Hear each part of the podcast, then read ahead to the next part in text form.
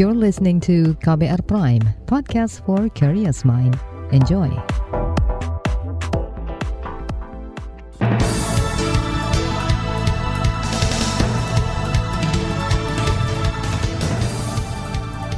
Selamat pagi saudara, senang sekali kami bisa menjumpai Anda kembali melalui program Buletin Pagi edisi Rabu 2 Februari 2022 bersama saya Naomi Liandra.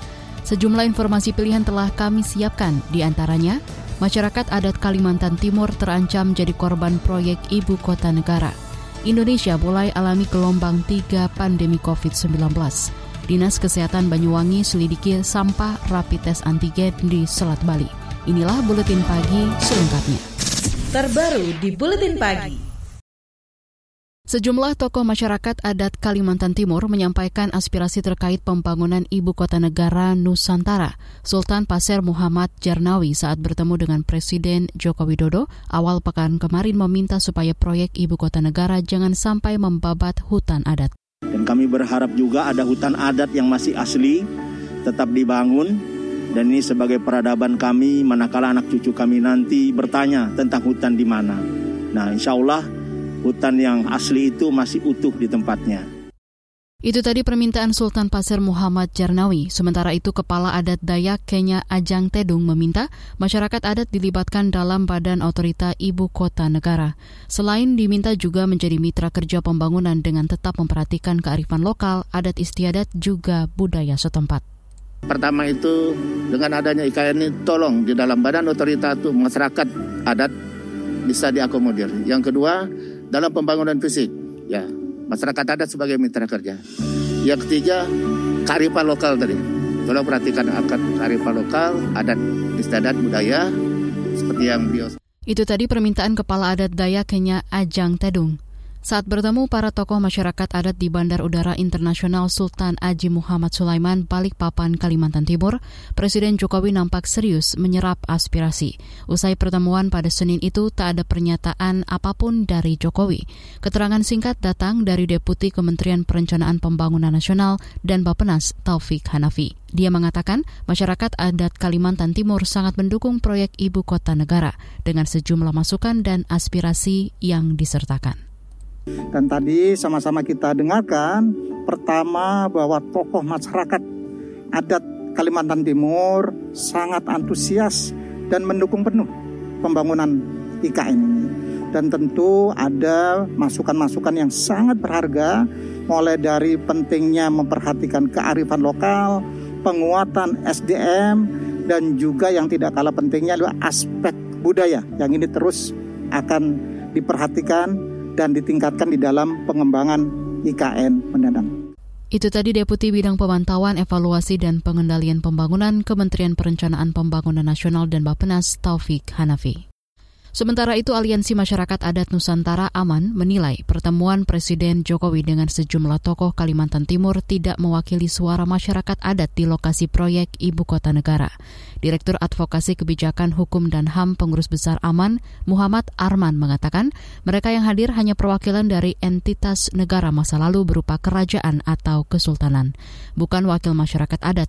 Kata dia, 20 ribu masyarakat adat di Panajam Pasir Utara dan Kutai Kartanegara akan segera jadi korban proyek Ibu Kota Negara Nusantara.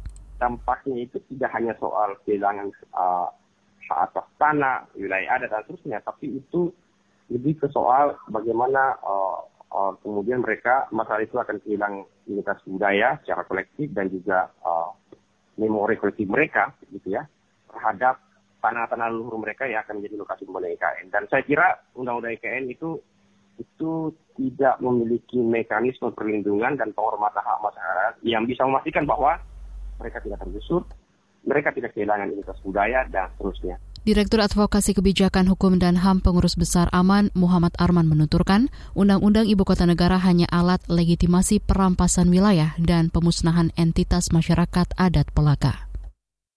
Saudara, proyek ambisius ibu kota negara dituding syarat kepentingan segelintir pihak, sekaligus wujud politik balas jasa ala Presiden Jokowi. Kepala kampanye jaringan advokasi tambang atau Jatam Melki Nahar mengatakan, dugaan itu muncul dengan fakta status lahan ibu kota negara yang ternyata bukan lahan kosong, melainkan lokasi 162 wilayah konsesi yang mayoritas adalah konsesi tambang batubara. Puluhan nama politikus di lingkaran pemerintah diduga pemilik hak konsesinya. Nah, kalau kita bandingkan dengan situasi masyarakat adatnya, warga lokalnya, keuntungan yang didapat oleh korporasi tadi itu, itu berbeda dengan masyarakatnya. Satu misalkan sampai detik ini, tidak ada jaminan hukum begitu ya nah. yang dilakukan oleh pemerintah untuk misalkan warga dan tanahnya itu tidak dicaplok gitu ya atau tidak tersingkir dari wilayah IKN itu sendiri ataupun di sekitar wilayah IKN-nya.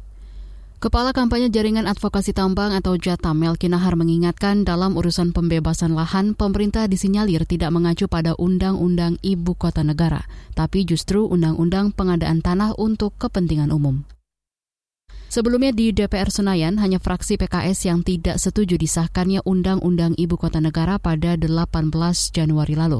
Anggota fraksi PKS Mardani Alisera mengingatkan, lahan Ibu Kota Negara bukan milik pemerintah semata, tapi juga ada hak masyarakat di dalamnya, sehingga harus ada keberanian untuk menyatakan pembangunan Ibu Kota Negara adalah milik semua. Bukan hanya milik rezim, apalagi penguasa yang pikirannya tidak logis dan sikapnya tidak etis. Informasi usai jeda, Indonesia mulai alami gelombang 3 pandemi COVID-19. Tetaplah di Buletin Pagi KBR. You're listening to KBR Pride, podcast for curious mind. Enjoy!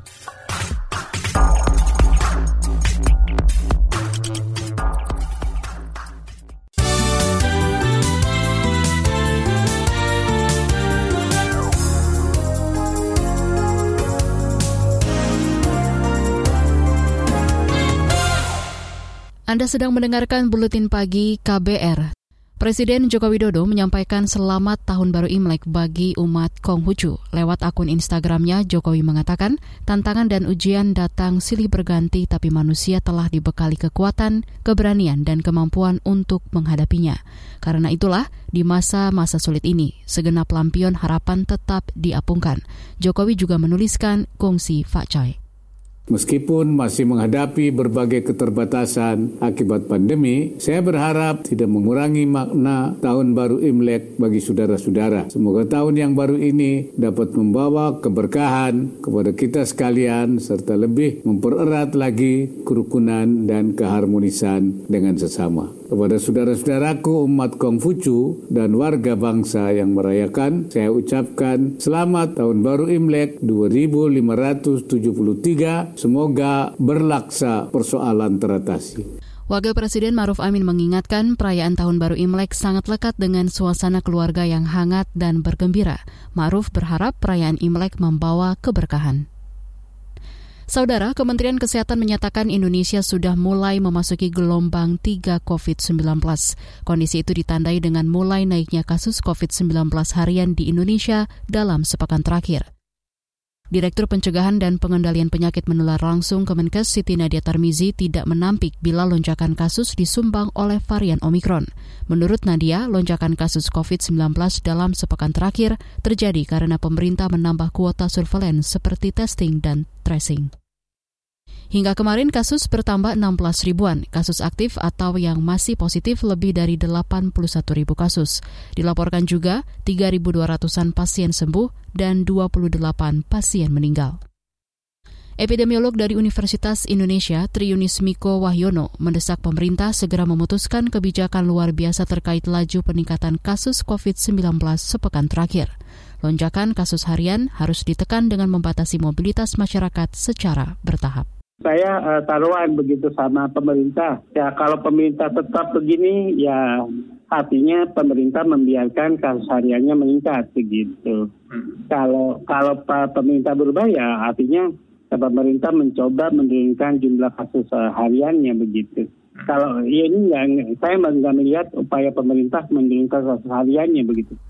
Epidemiolog dari Universitas Indonesia, Triunis Miko Wahyono mengingatkan pembatasan aktivitas masyarakat harus segera diberlakukan baik di perkantoran, sekolah, area publik, dan tempat-tempat keramaian. Kalau pemerintah tidak lekas menarik rem, Miko khawatir penambahan kasus positif akan mencapai 40 sampai 50 ribu per hari, atau sama dengan tahun lalu yang diakibatkan varian Delta. Penetapan pemilu 14 Februari dan pilkada serentak 27 November pada 2024 dinilai akan jadi masalah. Direktur Eksekutif Perkumpulan untuk Pemilu dan Demokrasi Perludem, Hoirunisa Nur Agustiati mengatakan, masalah yang akan dihadapi antara lain himpitan waktu antara tahapan pemilu dan pilkada serentak. Apalagi kalau pemilu terpaksa dilaksanakan dalam dua putaran. Walaupun memang jika dibandingkan uh, apa kalau hari pemungutan suaranya diputuskan uh, di bulan uh, Mei gitu ya yang lebih dekat dengan uh, November tentu penyelenggaraan pemilu di bulan November sedikit memberikan uh, apa ya jeda begitu ya bagi penyelenggara pemilu untuk uh, menyelenggarakan pilkadanya. Tetapi himpitan tahapan uh, pasti tetap uh, akan ada begitu ya uh, kalau pemilunya di semua pemilu di tahun yang sama. Direktur Eksekutif Perludem Hoirunisa Nur Agustiati mengingatkan penyelenggara pemilu harus matang mempersiapkan seluruh peraturan terkait jadwal dan tahapan pemilu. Merujuk Undang-Undang Pemilu, tahapannya harus sudah dimulai 20 bulan sebelum hari H atau pada Juni tahun ini. Beralih ke informasi ekonomi. Mulai 1 Februari kemarin, pemerintah membuka kembali keran ekspor batubara setelah sebelumnya dilarang selama Januari. Dirjen Mineral dan Batubara Kementerian ESDM, Rituan Jamaludin mengatakan, kondisi pasokan dan persediaan batubara di pembangkit listrik tenaga uap kini juga sudah semakin membaik. Karena itu, izin ekspor diberikan hanya untuk perusahaan yang sudah memenuhi DMO atau kewajiban presentasi penjualan untuk kebutuhan dalam negeri. Izin ekspor juga diberikan kepada perusahaan yang sudah menyampaikan surat pernyataan bersedia membayar denda atau dana kompensasi atas kekurangan DMO tahun lalu. Menteri Pariwisata dan Ekonomi Kreatif Sandiaga Uno menyebut ada tiga bisnis yang sangat dibutuhkan di masa depan, yaitu bisnis keamanan cyber, metaverse, dan pembayaran dengan teknologi keuangan digital. Tantangannya, menurut Sandiaga, ketiga bisnis itu harus bisa dikembangkan secara berkelanjutan. Yang menjadi tantangan setelah startup itu adalah scale up. Satu hal untuk kita memulai, tapi untuk membesarkan itu gamenya berubah. Untuk sustainable-nya itu kita perlu berinovasi, beradaptasi, dan berkolaborasi. Terkait dukungannya terhadap lembaga inkubator yang digagas Muhammadiyah, Menparakraf Sandiaga Uno berpesan agar setiap usaha rintisan atau startup dan wira usahawan yang dihasilkan akrab dengan kemajuan serta inovasi teknologi 4.0 dan 5.0. Kita ke informasi mancanegara. Memperingati setahun kudeta militer terhadap pemerintah Myanmar, Kementerian Luar Negeri Republik Indonesia kemarin mengeluarkan pernyataan mengecam tindakan kudeta yang terjadi. Dalam keterangannya, Kemenlu menyebut sebagai keluarga, ASEAN sudah mengulurkan bantuan melalui lima poin konsensus. Di antaranya konsensus penghentian tindak kekerasan dan memberi kesempatan utusan khusus ASEAN memfasilitasi mediasi dengan bantuan Sekjen ASEAN. Tapi faktanya hingga kini tidak ada kemajuan signifikan terhadap pelaksanaan lima poin konsensus. Indonesia pun mendesak militer Myanmar menindaklanjuti seluruh konsensus. Pada 1 Februari tahun lalu, militer mengambil alih pemerintahan dari Presiden Win Min dan penasihat negara Aung San Suu Kyi. Pengambil alihan paksa itu karena militer tidak menyetujui hasil pemilu yang memenangkan Partai Aung San Suu Kyi, yaitu Liga Nasional untuk Demokrasi. Komnas HAM PBB memperkirakan 1.500 orang tewas selama setahun kudeta militer itu. Beralih ke informasi olahraga, Cyrus Margono yang kini memperkuat klub Yunani Panathinaikos menyatakan tertarik untuk memperkuat timnas Indonesia. Pemain berdarah Indonesia itu juga sempat mendatangi kedubes Indonesia di Athena. Kiper bernama lengkap Cyrus Askon Margono itu didatangkan Panathinaikos dari UK Wildcats pada 30 Agustus lalu dan diikat kontrak hingga 30 Juni 2024. Margono lahir di New York, Amerika Serikat pada 9 November 2001. Ia berdarah Indonesia dari sang ayah, sedangkan ibunya asal Iran. Pada 2015, kiper berpostur 190 cm itu sempat berlatih dengan Inter Milan Academy. Sebelumnya, Menpora Zainuddin Amali menyatakan setuju dengan usulan pelatih timnas Sinteyong untuk merekrut sejumlah pesepak bola keturunan Indonesia daripada menaturalisasi pemain asing. Di bagian berikutnya kami hadirkan laporan khas KBR bertajuk Minyak goreng masih mahal dan langka. Ada permainan harga, nantikan sesaat lagi. You're listening to KBR Pride, podcast for curious mind. Enjoy!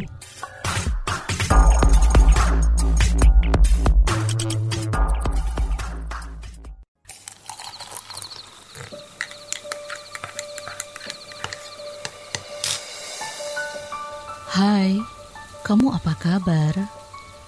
Masih suka menikmati senja dan kopi? Aku masih ingat kebiasaan kita. Sehabis pulang kerja, selalu mencari tempat untuk sekedar ngobrol dan ngopi. Tapi kadang kita kehabisan bahan obrolan.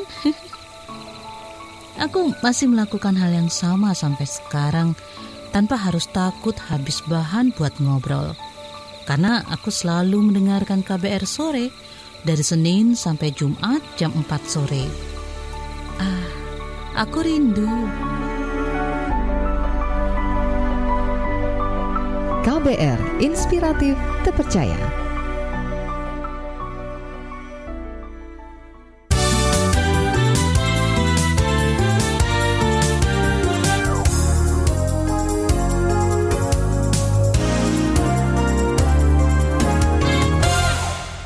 Anda masih bersama kami di Buletin Pagi KBR.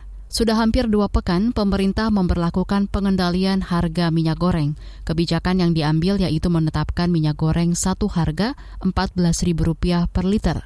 Tapi faktanya di lapangan harga minyak goreng masih mahal, bahkan ketersediaannya pun langka. Apa penyebabnya? Berikut laporan khas KBR yang disusun Siti Sadida dibacakan Aika Renata. Menteri Perdagangan Republik Indonesia Muhammad Lutfi terus berupaya menstabilkan harga minyak goreng yang belakangan melejit dan memberatkan konsumen. Dua pekan lalu, pemerintah menerbitkan kebijakan minyak goreng satu harga Rp14.000 per liter. Dilanjutkan akan ada penetapan harga eceran tertinggi untuk minyak goreng yang berlaku besok 1 Februari 2022 minyak goreng curah sebesar 11.500 per liter. Minyak goreng kemasan sederhana sebesar 13.500 per liter dan minyak goreng kemasan premium sebesar 14.000 per liter. Seluruh harga eceran tertinggi tersebut sudah termasuk PPN di dalamnya. Meski begitu, minyak goreng di pasar tradisional masih tinggi. Ada yang masih menjual seharga Rp40.000 hingga Rp50.000 per liter. Hal ini mendapat perhatian dari Komisi Pengawas Persaingan Usaha KPPU yang menduga ada permainan kartel. Komisioner KPPU Ukai Karyadi berpendapat masalah kenaikan harga minyak goreng ini perlu dibenahi lebih dalam lagi. Ia menduga asal mula kenaikan harga minyak goreng terjadi karena ada kartel di industri minyak goreng. Karena struktur pasarnya oligopoli, ada potensi penyalahgunaan posisi dominan baik di hulunya maupun di hilirnya. Sinyal terjadinya penyelenggaraan persaingan usaha itu juga diperkuat karena harganya naiknya bersama-sama. Harusnya kan ketika misalnya grup PTA menaikkan harga minyak goreng, kalau PTB-nya tidak menaikkan kan itu peluang dia untuk mengambil alih ini ya pangsa pasarnya PTA. Karena kan masing-masing punya kebunnya sendiri-sendiri gitu. Nah ini semakin memperkuat uh, eh, KPPU bahwa ini semacam ada kesepakatan di antara mereka dalam hal menentukan uh, pasokan ke pasar maupun dalam rangka menetapkan harga yang tinggi tersebut. Ukai juga melihat kebijakan minyak goreng satu harga Rp14.000 per liter yang diterbitkan belum terimplementasikan dengan baik. Sejak kebijakan minyak goreng satu harga berlaku 19 Januari, masih terjadi kendala distribusi yang menyebabkan kelangkaan minyak goreng di pasar. Kalau KPPU konsennya tentunya ke struktur pasar di industri minyak goreng ya yang cenderung oligopoli di mana pasar minyak goreng ini mayoritas disuplai oleh beberapa perusahaan saja. Padahal pasarnya dari Sabang sampai Merauke dibutuhkan oleh 250 juta penduduk Indonesia, tetapi pemainnya sedikit. Nah tentunya ini sangat rentan karena mereka memiliki posisi dominan di pasar. Pada hari ini misalnya baik di pasar tradisional maupun di retail modern mengatakan bahwa mereka kurang pasokan dari distributor maupun dari pabrik-pabrik minyak goreng. Hmm. Di sisi lain dari pihak industri minyak gorengnya mengatakan barang itu ada. Nah, ini di mana sebenarnya? Hmm. Kalau produksinya tetap berjalan ya artinya mereka tidak tergoda CPO-nya diekspor ke luar negeri tentunya harusnya segera digelontorkan ke pasar. Masalah lain datang dari pedagang di pasar tradisional yang masih memiliki stok minyak goreng lama. Ketua DPP Ikatan Pedagang Pasar Indonesia, Abdullah Mansuri mengatakan, pedagang pasar kesulitan menyesuaikan harga karena masih memiliki stok lama. Stok yang kita miliki itu sesungguhnya stok-stok lama dengan harga yang cukup tinggi sampai ya. detik ini saja sampai detik ini harga masih 18.500 ini karena apa? Karena menggunakan stok lama. Celakanya pemerintah mendahulukan hmm. retail modern dengan harga 14.000 sehingga ada panik baik, ada diserbu sama masyarakat. Bahkan dijual ke pasar agar pasar menjual dengan harga tinggi. Ini hmm. yang nggak masuk. Awal mula kami mendorong agar pasar tradisional dulu dibenahi, hmm. distribusinya dibenahi, eh, pengawasannya dibenahi. Kalau itu sudah dibenahi, dilakukan komunikasi dengan baik, maka kami meyakini bahwa stabilitas harga secara nasional itu bisa kita selesaikan, bisa kita pantau dan bisa kita awasi. Kalangan DPR meminta agar pemerintah mengambil sikap terkait dugaan permainan harga dan stok di lapangan. Anggota Komisi Perdagangan di DPR, Amin Aka, meminta pemerintah memberi sanksi jika ditemukan pelaku permainan stok di lapangan. Tinggal pengawasannya, pengawasannya betul dan orang-orang yang pihak-pihak tertentu yang bermain ya, melakukan penumpukan barang dan barang tidak didistribusikan ke pasar-pasar tradisional sehingga bisa terjangkau oleh rakyat banyak sehingga harga tetap tinggi ya dikasih sanksi. Ya pemerintah kan punya kewenangan untuk itu. Laporan ini disusun Siti Sadida saya Aika Renata Informasi dari berbagai daerah akan hadir usai jeda tetaplah bersama Buletin Pagi KBR You're listening to KBR Pride, podcast for curious mind. Enjoy!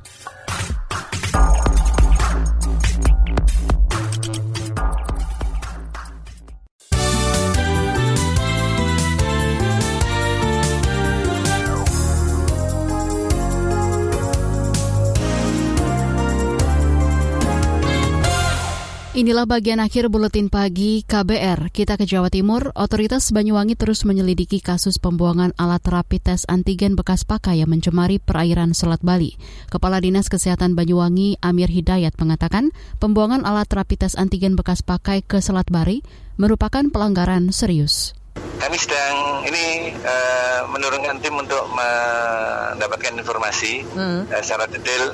Nah, kalau uh, sudah ada info nanti ini menjadi untuk uh, pengawasan dan jika perlu penindakan nantinya. Hmm. Jadi kalau yang sudah seperti ini ya seharusnya nanti PH yang akan uh, melakukan penindakan. Kepala Dinas Kesehatan Banyuwangi Amir Hidayat menambahkan lokasi perairan ditemukannya alat rapid test antigen bekas pakai sekitar 1 km dari pelabuhan Ketapang. Amir mengkhawatirkan lingkungan sekitar Selat Bali tercemar buangan limbah medis. Sebelumnya warga Banyuwangi menemukan sampah alat rapid test antigen berikut kemasannya yang berserakan di pantai dan perairan Selat Bali. Beralih ke Aceh, Badan Meteorologi, Klimatologi, dan Geofisika BMKG Aceh menemukan 17 titik api atau hotspot di sejumlah kabupaten kota. Diduga titik api itu muncul akibat maraknya aktivitas masyarakat yang membuka lahan perkebunan dengan cara dibakar. Kepala Seksi Data dan Informasi BMKG Aceh, Zakaria Ahmad, mengatakan titik api ditemukan melalui pantauan sensor modis karhutla di kawasan lahan gambut. Kita kan sudah memasuki masa peralihan ya jadi Aceh sudah beberapa hari tidak turun hujan, kalaupun ada di daerah-daerah yang ada hujannya, namun dengan hujan ringan saja dan juga tidak merata sehingga panas eh, yang lebih tinggi membuat mudahnya terjadi kebakaran. Kepala Seksi Data dan Informasi BMKG Aceh Zakaria Ahmad merinci 17 titik api itu terdeteksi di Kabupaten Aceh Jaya 8 titik, Aceh Barat 4 titik, Lok Sumewe 3 titik, Aceh Tamiang 1 titik, dan di Gayo Luwes 1 titik api. Kita ke Banten, kawasan wisata kuliner Pasar Lama di Kota Tangerang mulai hari ini ditutup sementara. Penutupan hingga 7 Februari itu terpaksa dilakukan pasca terjadi kerumunan orang yang berpotensi menyebarkan COVID-19. Direktur Utama PT Tangerang Nusantara Global Edi Chandra menjelaskan, penutupan sementara Pasar Lama juga dimanfaatkan untuk menata ulang lokasi pedagang kaki lima agar lebih sesuai protokol kesehatan. Informasi tadi menutup jumpa kita di Buletin Pagi hari ini. Pantau juga informasi terbaru melalui kabar baru, situs kbr.id, Twitter kami di akun @beritaKBR, serta podcast di alamat kbrprime.id. Akhirnya saya, Naomi Liandra bersama tim yang bertugas undur diri. Salam.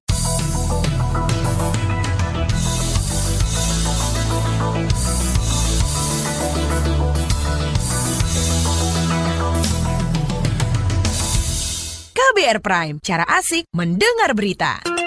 KBR Prime, podcast for curious mind.